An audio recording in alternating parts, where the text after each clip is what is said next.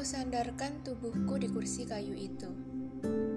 Kau duduk di depanku, satu meja bersama, dan kemudian saling memberi sapa.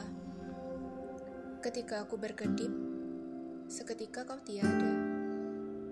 Aku lupa bahwa kita tak lagi bersama.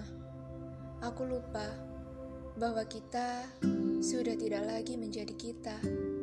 Aku lupa bahwa kini hanya aku dan kamu yang tersisa. Aku kini kembali ingat bahwa sekarang waktu sedang berputar dengan membawa beban berat. Aku kini kembali ingat bahwa sekarang langit sedang berwajah pucat. Kembali kutatap kursi kosong di hadapanku. Tempatmu duduk bersamaku dahulu. Dengan berharap kembali datang bayanganmu di antara halusinasiku.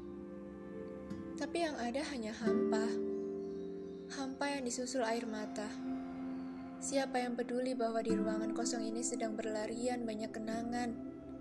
Siapa yang peduli bahwa di ruangan kosong ini sedang bermunculan banyak kebahagiaan? Segala hal yang tidak lagi bisa diulang atau sekedar dilakukan remedial. Ah, sepertinya aku memang terlalu bodoh perihal cinta. Sepertinya aku memang terlalu naif perihal memahamimu yang terlalu sakit untuk diingat itu. Kamu terlalu pemarah. Tapi entahlah, antara aku yang memang tidak pintar atau kamu yang terlalu pandai memberi harapan besar. Tapi ya sudahlah, salahku juga yang terlalu percaya akan halusinasi bahagia denganmu. Aku lantas terdiam. Selang 76 menit, memasang tatapan muram, sembari melamun dengan sedikit sisa kesadaran.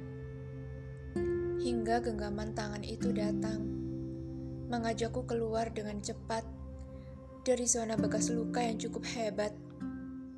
Katanya, jangan diam di tempat. Dia bukan orang yang tepat.